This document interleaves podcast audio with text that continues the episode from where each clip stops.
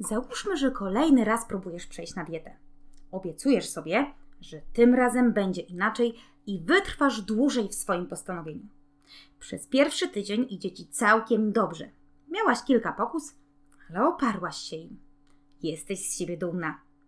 Aż nadszedł ten moment, kiedy miałaś trudniejszy dzień i byłaś zbyt zmęczona, by przygotować sobie kolację. Po powrocie do domu, bez większego zastanowienia, zjadłaś na szybko to, co było w lodówce. Po pewnej chwili poczułaś, że chyba przesadziłaś z ilością, ale dałaś sobie słowo, że do końca dnia będziesz się już pilnować. I nadszedł wieczór. Włączyłaś ulubiony serial, a twój partner usiadł obok ciebie z paczką chipsów. Po kilku chwilach bycia, bicia się z różnymi myślami w stylu: No zjedz, przecież i tak już dzisiaj nie trzymałaś się diety. Całkowicie uległaś i zjadłaś pół paczki. Z tą właśnie chwilą Twoje postanowienie o dalszym trwaniu na diecie poszło w niepamięć, a wraz z nim pojawiło się dobrze znane przekonanie: jestem do niczego. Nie potrafię schudnąć i już zawsze będę mieć nadwagę. Dlaczego tak się stało? Dziś w podcaście porozmawiamy o najczęstszym błędzie popełnianym przez osoby, które mają trudności w wytrwaniu na diecie.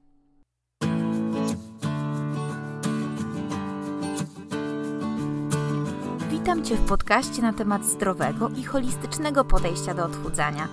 Ja nazywam się Magdalena Mickiewicz-Kulesza i będę Ci mówić o tym, jak zdrowo i skutecznie schudnąć, jak utrzymać swoje efekty na dłużej i jak się tym wszystkim aż tak bardzo mocno nie stresować. Zapraszam Cię serdecznie do wysłuchania kolejnego odcinka mojego podcastu.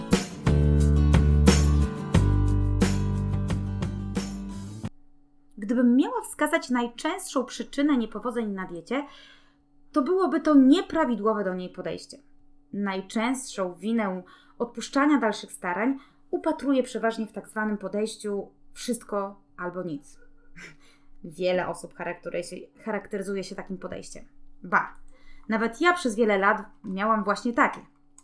Po wielu latach dopiero nauczyłam się, jak sobie z nim radzić. Pokażę Ci to na przykładzie. Kiedyś trzymałam się przez długi czas ścisłego e, reżimu dietetycznego, aż w końcu po tym czasie takiego dietetycznego uciemiężenia, gdy nadchodził weekend i gdy pojawiła się wreszcie okazja do odstępstw, płynęłam sobie, pozwalając na wszystko, czego do tej pory sobie odmawiałam. Wystarczyło jedno potknięcie i uznałam, że już cały weekend, weekend idzie na straty, a zatem przynajmniej wykorzystam tę okazję do tego, by nacieszyć się tym, e, czego długo sobie odmawiałam.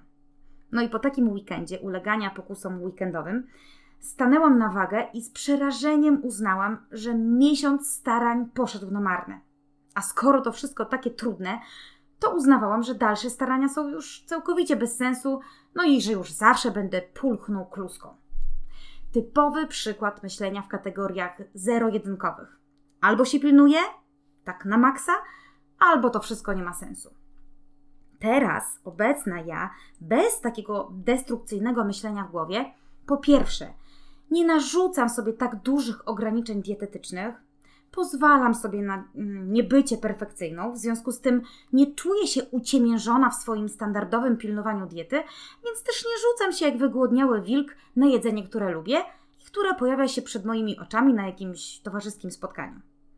Po drugie, nawet jeśli zdarzy mi się bardziej imprezowy weekend, to staram się kolejnego dnia zwracać większą uwagę na to, e, co jem i nie dopykam się smak smakołykami, bo już wszystko stracone. No i na pewno nie ważę się tuż po weekendzie, bo wiem, że wskazówka tej wagi będzie absolutnie niewiarygodna. Wracam do swojej standardowej diety i ćwiczeń, no i czekam, aż moje ciało dojdzie do równowagi. Yy, między innymi yy, do momentu, kiedy poziom wody w moim organizmie, która zgromadziła się yy, na przykład po wypiciu alkoholu albo ewentualnym niedospaniu, osiągnie swój normalny poziom. Nie wyrzucam sobie niczego i niczego nie żałuję. Cieszę się z chwilowych przyjemności i w dalszym ciągu pracuję nad swoimi celami. Mam przy okazji luz w głowie i poczucie, że niczego nie tracę w swoim życiu, tylko z niego korzystam na, w granicach rozsądku. No i właśnie takie podejście pozwala mi cały czas utrzymywać stabilną wagę od wielu lat. No ale musiałam się tego niestety nauczyć i O tym, jak to zrobić, chcę Wam dzisiaj poopowiadać w podcaście. Przede wszystkim pamiętajcie, że każda dieta ma szansę doprowadzić nas do naszego celu pod warunkiem, że będziemy jej wierni, czyli zadbamy o wytrwałość i konsekwencje w działaniu. Mimo wszelkich niepowodzeń i tego, że nie zawsze udaje nam się być tą najlepszą wersją samych siebie. Gdybyśmy spytali kogokolwiek, kto w życiu osiągnął sukces w jakiejkolwiek dziedzinie, jak mu się to udało, to myślę, że każdy w odpowiedzi, w odpowiedzi podałby y, właśnie takie cechy, które mu pomogły: wytrwałość i konsekwentne dążenie do celu, nie poddawanie się po porażkach, wyciąganie z nich wniosków, no i dalsze starania. A tymczasem wiele osób, które wielokrotnie próbują przejść na diecie, w momencie, kiedy coś idzie nie po ich myśli, zawracają ze swojej drogi. Prezentują w ten sposób taką typową postawę, że albo się staram i pilnuję się na 100%, albo to wszystko nie ma najmniejszego sensu. No zazwyczaj takie osoby starają się w chwili dużej mobilizacji do działania narzucić na siebie dużo ograniczeń i próbują sobie wmówić, że teraz to już ich życie całkowicie się odmieni. Zaczną odżywiać się ultrazdrowo, zapiszą się na siłownię albo zaczną biegać, no i będą zacięcie ćwiczyć silną wolę w momencie, kiedy nadają jakiekolwiek pokusy. No a życie okazuje się życiem i po okresie silnego zapału i dużej motywacji zawsze przychodzi moment trudniejszy. Mamy dwa wyjścia. Albo go przeczekać i starać się na miarę naszych aktualnych możliwości, albo się poddać. W pierwszym przypadku tracimy co najwyżej kilka dni z naszej drogi do celu. W drugim przypadku tracimy wszystko to, co już udało nam się osiągnąć przez jakiś czas naszych starań. Osoby charakteryzujące się podejściem wszystko albo nic, albo inaczej podejściem zero-jedynkowym, w tych trudniejszych chwilach, kiedy choć trochę się potkną, zazwyczaj rezygnują z dalszych starań i traktują całą sytuację jako kolejną porażkę, która tylko utwierdza ich w przekonaniu, że to wszystko jest za trudne i w ogóle nie ma sensu. Jeśli ty należysz właśnie do takich osób, za każdym razem, kiedy włącza się w twojej głowie takie myślenie, zastanów się, czy nie szkoda ci tych kilku tygodni starania, tego, co już udało ci się osiągnąć, tylko dlatego, że raz powinęła ci się noga. Dlaczego tak jest, że tak łatwo nam się poddać? Często źródłem odpuszczania dalszych starań po takiej chwilowej słabości są wyrzuty sumienia i przekonanie, że siebie zawiedliśmy. No jeśli stawiamy sobie wysoką poprzeczkę i mamy w stosunku do siebie duże wymagania, to jesteśmy bardziej podatni do tego, by nie akceptować własnych chwil słabości. A każdy człowiek je miewa. Są one wręcz wpisane w naszą naturę ludzką. Zacznijmy zatem od tego, jakie my mamy oczekiwania w stosunku do siebie czy są one adekwatne do naszych możliwości.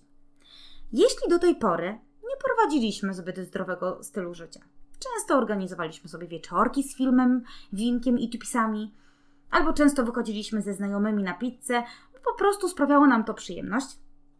Jeśli nie uprawialiśmy dotychczas żadnej aktywności fizycznej, nie spędzaliśmy zbyt dużo czasu na przygotowywanie domowych posiłków, to na jakiej zasadzie zakładamy, że w momencie powzięcia decyzji o zmianie stylu życia na zdrowszy, jesteśmy w stanie całkowicie się zmienić z dnia na dzień? Przecież pizza dalej ci będzie smakować, tak samo jak chipsy. Rezygnacja ze spotkań ze znajomymi też nam się w którymś momencie znudzi. Tak samo jak ciągłe odnawianie drożdżowych bułeczek mamy czy tortu u koleżanki. Nie możemy też założyć, że lenistwo i niechęć do aktywności nie będzie nas odwodzić od wyjścia na trening śmiem twierdzić, że jeśli mamy takie oczekiwania zmiany naszego niezbyt zdrowego stylu życia na lepszy, bez prawa do jakichkolwiek odstępstw od swoich nowych zasad, to z góry jesteśmy skazani na porażkę. Historia wielokrotnie pokazała, że każda rewolucja kończy się albo niepowodzeniem, albo dużą ilością ofiar. Znacznie lepsza w tej sytuacji okazuje się ewolucja, czyli metoda małych, stopniowych i konsekwentnych zmian. No najlepszym przykładem jest tu Edison, który przed stworzeniem żarówki dokonał ponoć, yy, ponad 10 tysięcy prób. To jest dopiero próba charakteru i wytrwałości. No nie życzę Wam tylu prób, ale na pewno nie życzę także poddawania się po porażkach. To, na co chcę jeszcze zwrócić uwagę, to dostrzeganie tylko dwóch możliwości w dążeniu do swojego celu.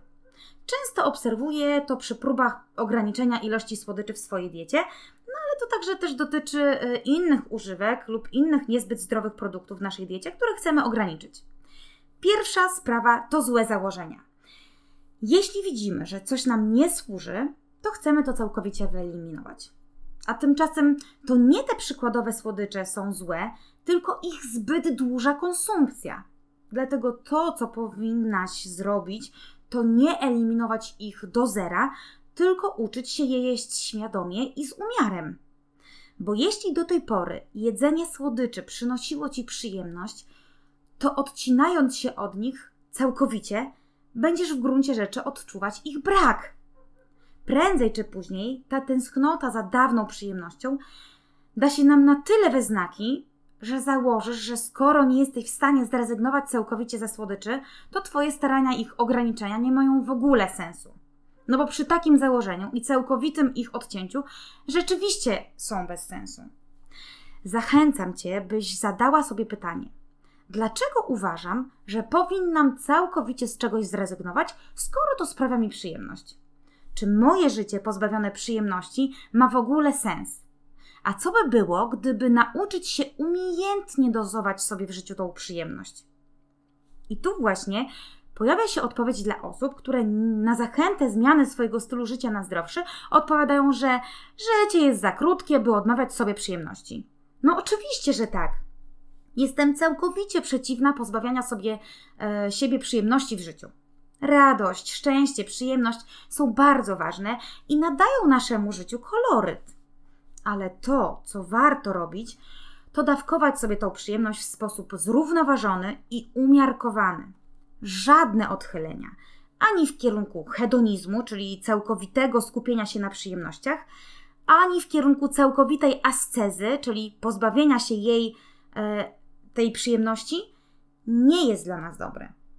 Bo mechanizm jest bardzo prosty. Im więcej sobie odmawiamy, tym bardziej nam się tego chce. Oczywiście podświadomie, bo często my wypieramy przez pewien czas takie myśli, że mm, mamy na coś ochotę. Podobnie jest też z uzależnieniem od przyjemności. Im więcej takiej przyjemności mamy, tym więcej jej potrzebujemy. Równowaga i umiarkowanie to są kluczowe słowa do, do szczęśliwego życia, bez uzależnień i bez zbyt dużych ograniczeń. Myślę także, że często u osób z podejściem wszystko albo nic zauważyć można taką skłonność do unikania odpowiedzialności i trudności, które mogą się pojawić na drodze do naszego celu. To nie jest tak, że droga do jakiegokolwiek sukcesu jest usłana różami. Niestety, często ta droga momentami przypomina przedzieranie się przez kolczaste krzewy tych róż. Ale jeśli się czasem nie ukujemy, to i nie możemy się cieszyć zapachem i widokiem tych róż. Często, żeby coś osiągnąć, trzeba zmierzyć się z tym, co trudne i niewygodne.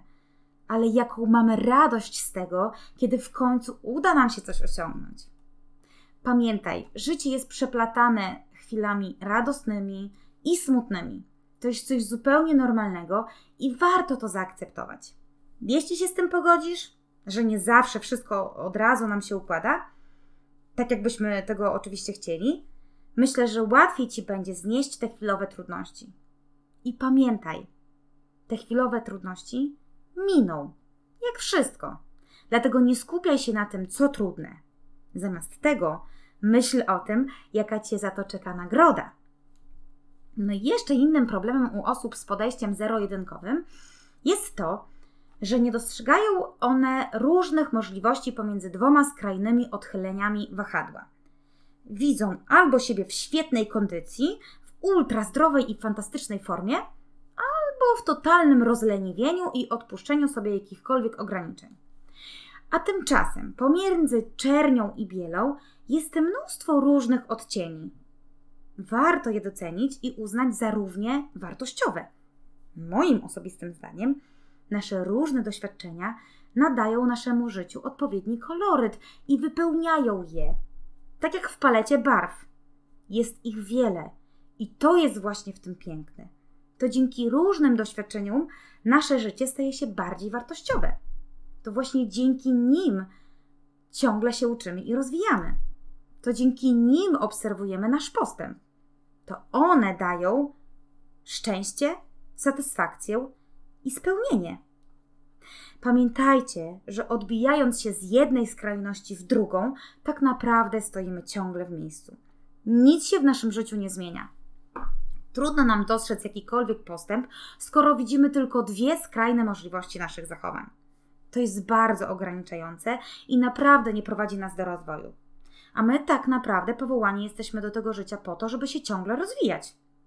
A rozwój też często przebiega przez porażki i próba, próby podnoszenia się po nich. Dlatego bardzo Cię proszę, byś spojrzała na swoje życie szerzej i dopuściła, że w Twoim podejściu, oprócz postawy staram się na 100% moich możliwości, a takim totalnym odpuszczeniem sobie jakichkolwiek starań, jest wiele różnych scenariuszy. Musisz tylko wyjść poza schemat swojego dotychczasowego myślenia i postępowania. No to właśnie, zastanówmy się zatem, jak wyjść z podejścia wszystko albo nic. Zacznę od tego, że niestety podejście zero-jedynkowe jest oznaką niezdrowego perfekcjonizmu. Jak już mówiłam, takie osoby najczęściej mają duże wymagania w stosunku do siebie, a skoro w którymś momencie widzą, że nie są w stanie ich spełniać, to uznają, że nie opłaca się w ogóle starać. To dlatego, że zamiast na procesie zmiany skupiamy się na, na celu samym sobie. No cóż, lubimy duże i wzniosłe cele. Najbardziej przemawiają do nas niezwykłe metamorfozy, w których obserwujemy, jak ktoś z brzydkiego kaczątka nagle przeistaczek się w pięknego łabędzia. Najczęściej nie interesuje nas, jak to się stało i ile ta osoba poświęciła, by osiągnąć ten cel, e, który my widzimy. Porównujemy tylko wygląd przed zmianą i po jej zakończeniu. No my też chcielibyśmy wskoczyć na miejsce tej osoby i móc się pochwalić równie spektakularną przemianą. Kiedy zatem, zatem wyznaczamy sobie cel, myślimy tylko o tym, by jak najszybciej przeskoczyć o poziom wyżej, no i by po prostu osiągnąć tę wymarzoną sylwetkę. Liczy się tylko nasz wielki, wzniosły i ambitny cel. A tymczasem, żeby tak się stało, to musi się po drodze wiele mniejszych rzeczy wydarzyć. Musimy w to włożyć dużo naszego wysiłku i zaangażowania, żeby to w ogóle mogło się zrealizować. Poza tym, wiele musi e, się w naszym życiu zmienić, żeby ten efekt został z nami na dłużej. Dlatego warto mieć swój cel w głowie, ale ważniejsze jest to, by o naszej przemianie myśleć w kategorii długotrwałego procesu, takich wielu zmian, czasem też i wielu drobnych potknięć. Jeśli zmienimy perspektywę zmian w naszym życiu, z patrzenia tylko na cel, e, na myślenie w kategorii procesu, nasze podejście także się zmienia. Zaczynamy rozumieć, że żeby osiągnąć nasz wielki cel, musimy dzień po dniu wyznaczać sobie mniejsze cele, które będziemy stopniowo realizować. Na przykład nauczyć się przygotowywać sobie posiłki, ograniczyć podjadanie słodyczy, zadbać y, o dobre nawodnienie, o zwiększenie ruchu w ciągu dnia, o rozsądne odpoczywanie w trakcie e, weekendu bez nadmiaru produktów rekreacyjnych, takich jak alkohol, chipsy czy słodycze, czy w końcu mądrego i adekwatnego radzenia sobie z emocjami. I to jest właśnie skupienie się na budowaniu trwałych nawyków, a nie tylko na osiągnięciu celu sylwetkowego bez względu na swoje ewentualne koszty. Nie ma so sensu udowadniać sobie kolejny raz, że jesteś w stanie przez miesiąc zacisnąć zęby i jakoś przetrwać. Zamiast tego stawaj na stopniowe, ale trwałe zmiany. Skup się na procesie, a nie na ostatecznym celu. Jeśli zbudujesz dobre i trwałe nawyki, już nigdy nie będziesz musiała motywować się do odchudzania. Normalizacja Twojej wagi też będzie tylko efektem ubocznym zmiany Twojego stylu życia na zdrowsze. Kolejna sprawa, którą chcę poruszyć, to fakt, że najczęściej osoby z nastawieniem wszystko albo nic porzucają swoją dietę właśnie w momencie pierwszej lub drugiej porażki. Dlaczego? No bo mają już wiele takich doświadczeń ze sobą. Pamiętają, że tak właśnie najczęściej kończyli swoje postanowienia. W związku z czym mają w sobie takie przekonanie, że to odstępstwo oznacza u nich koniec starań. No tak się po prostu przyzwyczaili myśleć o porażkach.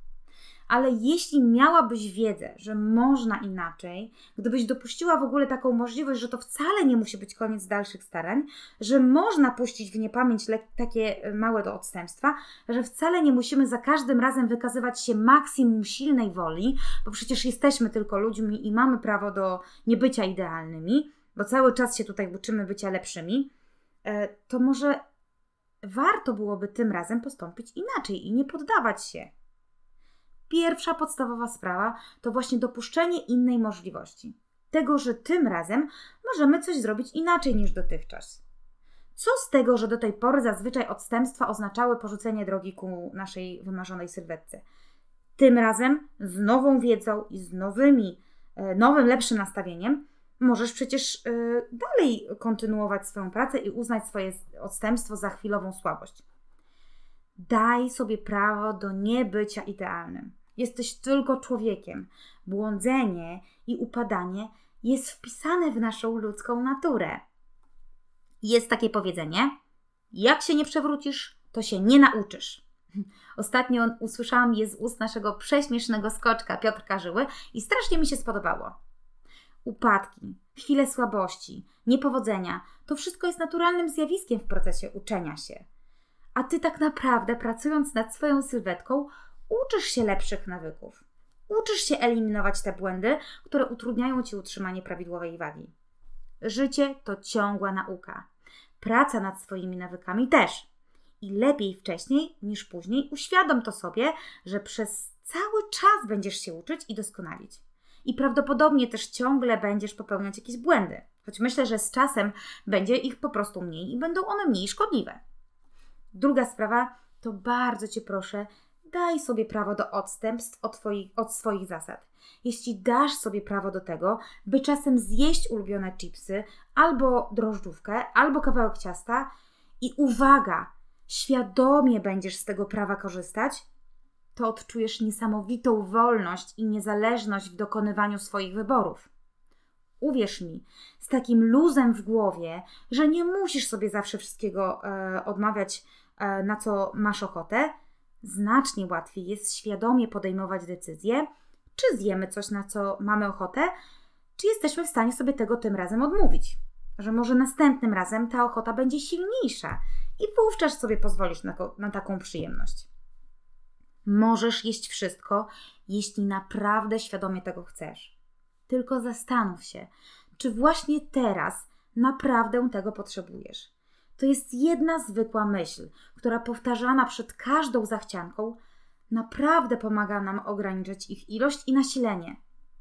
Takie podejście jest znacznie lepsze niż ciągłe odmawianie sobie wszystkiego, a następnie przy jakiejś okazji zjedzenie czegoś z listy potraw zakazanych z nawiązką. No bo skoro się już złamałaś, to teraz już musisz całkowicie puścić hamulce. Zaufaj mi, tak jest po prostu o wiele łatwiej osiągnąć i utrzymać swoje cele.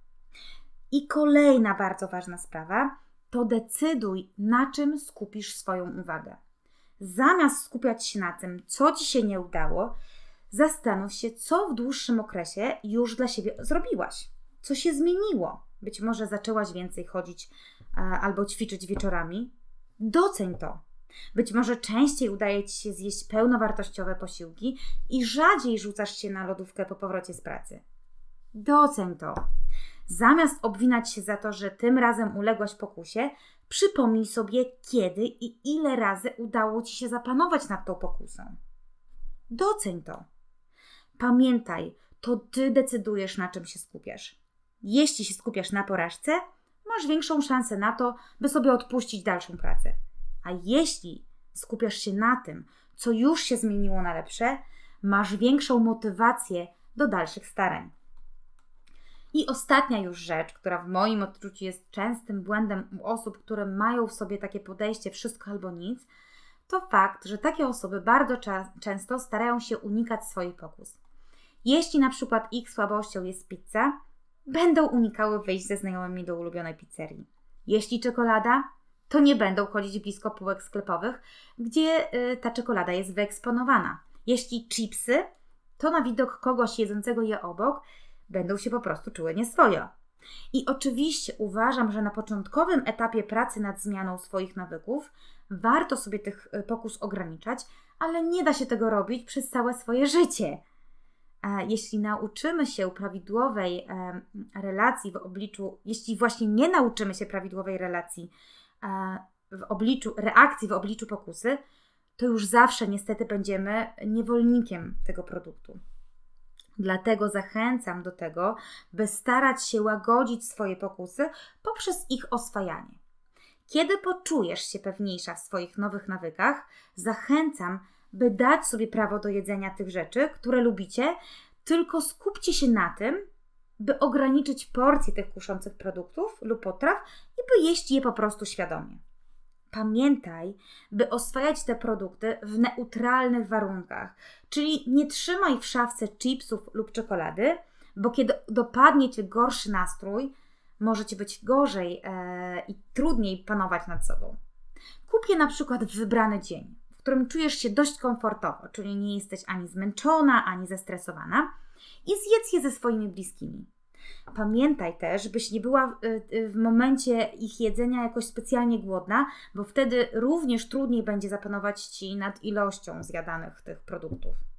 Zachęcam Cię do tego, byś y, stopniowo oswajała się z tymi niesprzyjającymi produktami, bo dowiedziono, że wraz ze zwiększeniem dostępności i wraz z ekspozycją na dany produkt, jego wyjątkowość po prostu słabnie.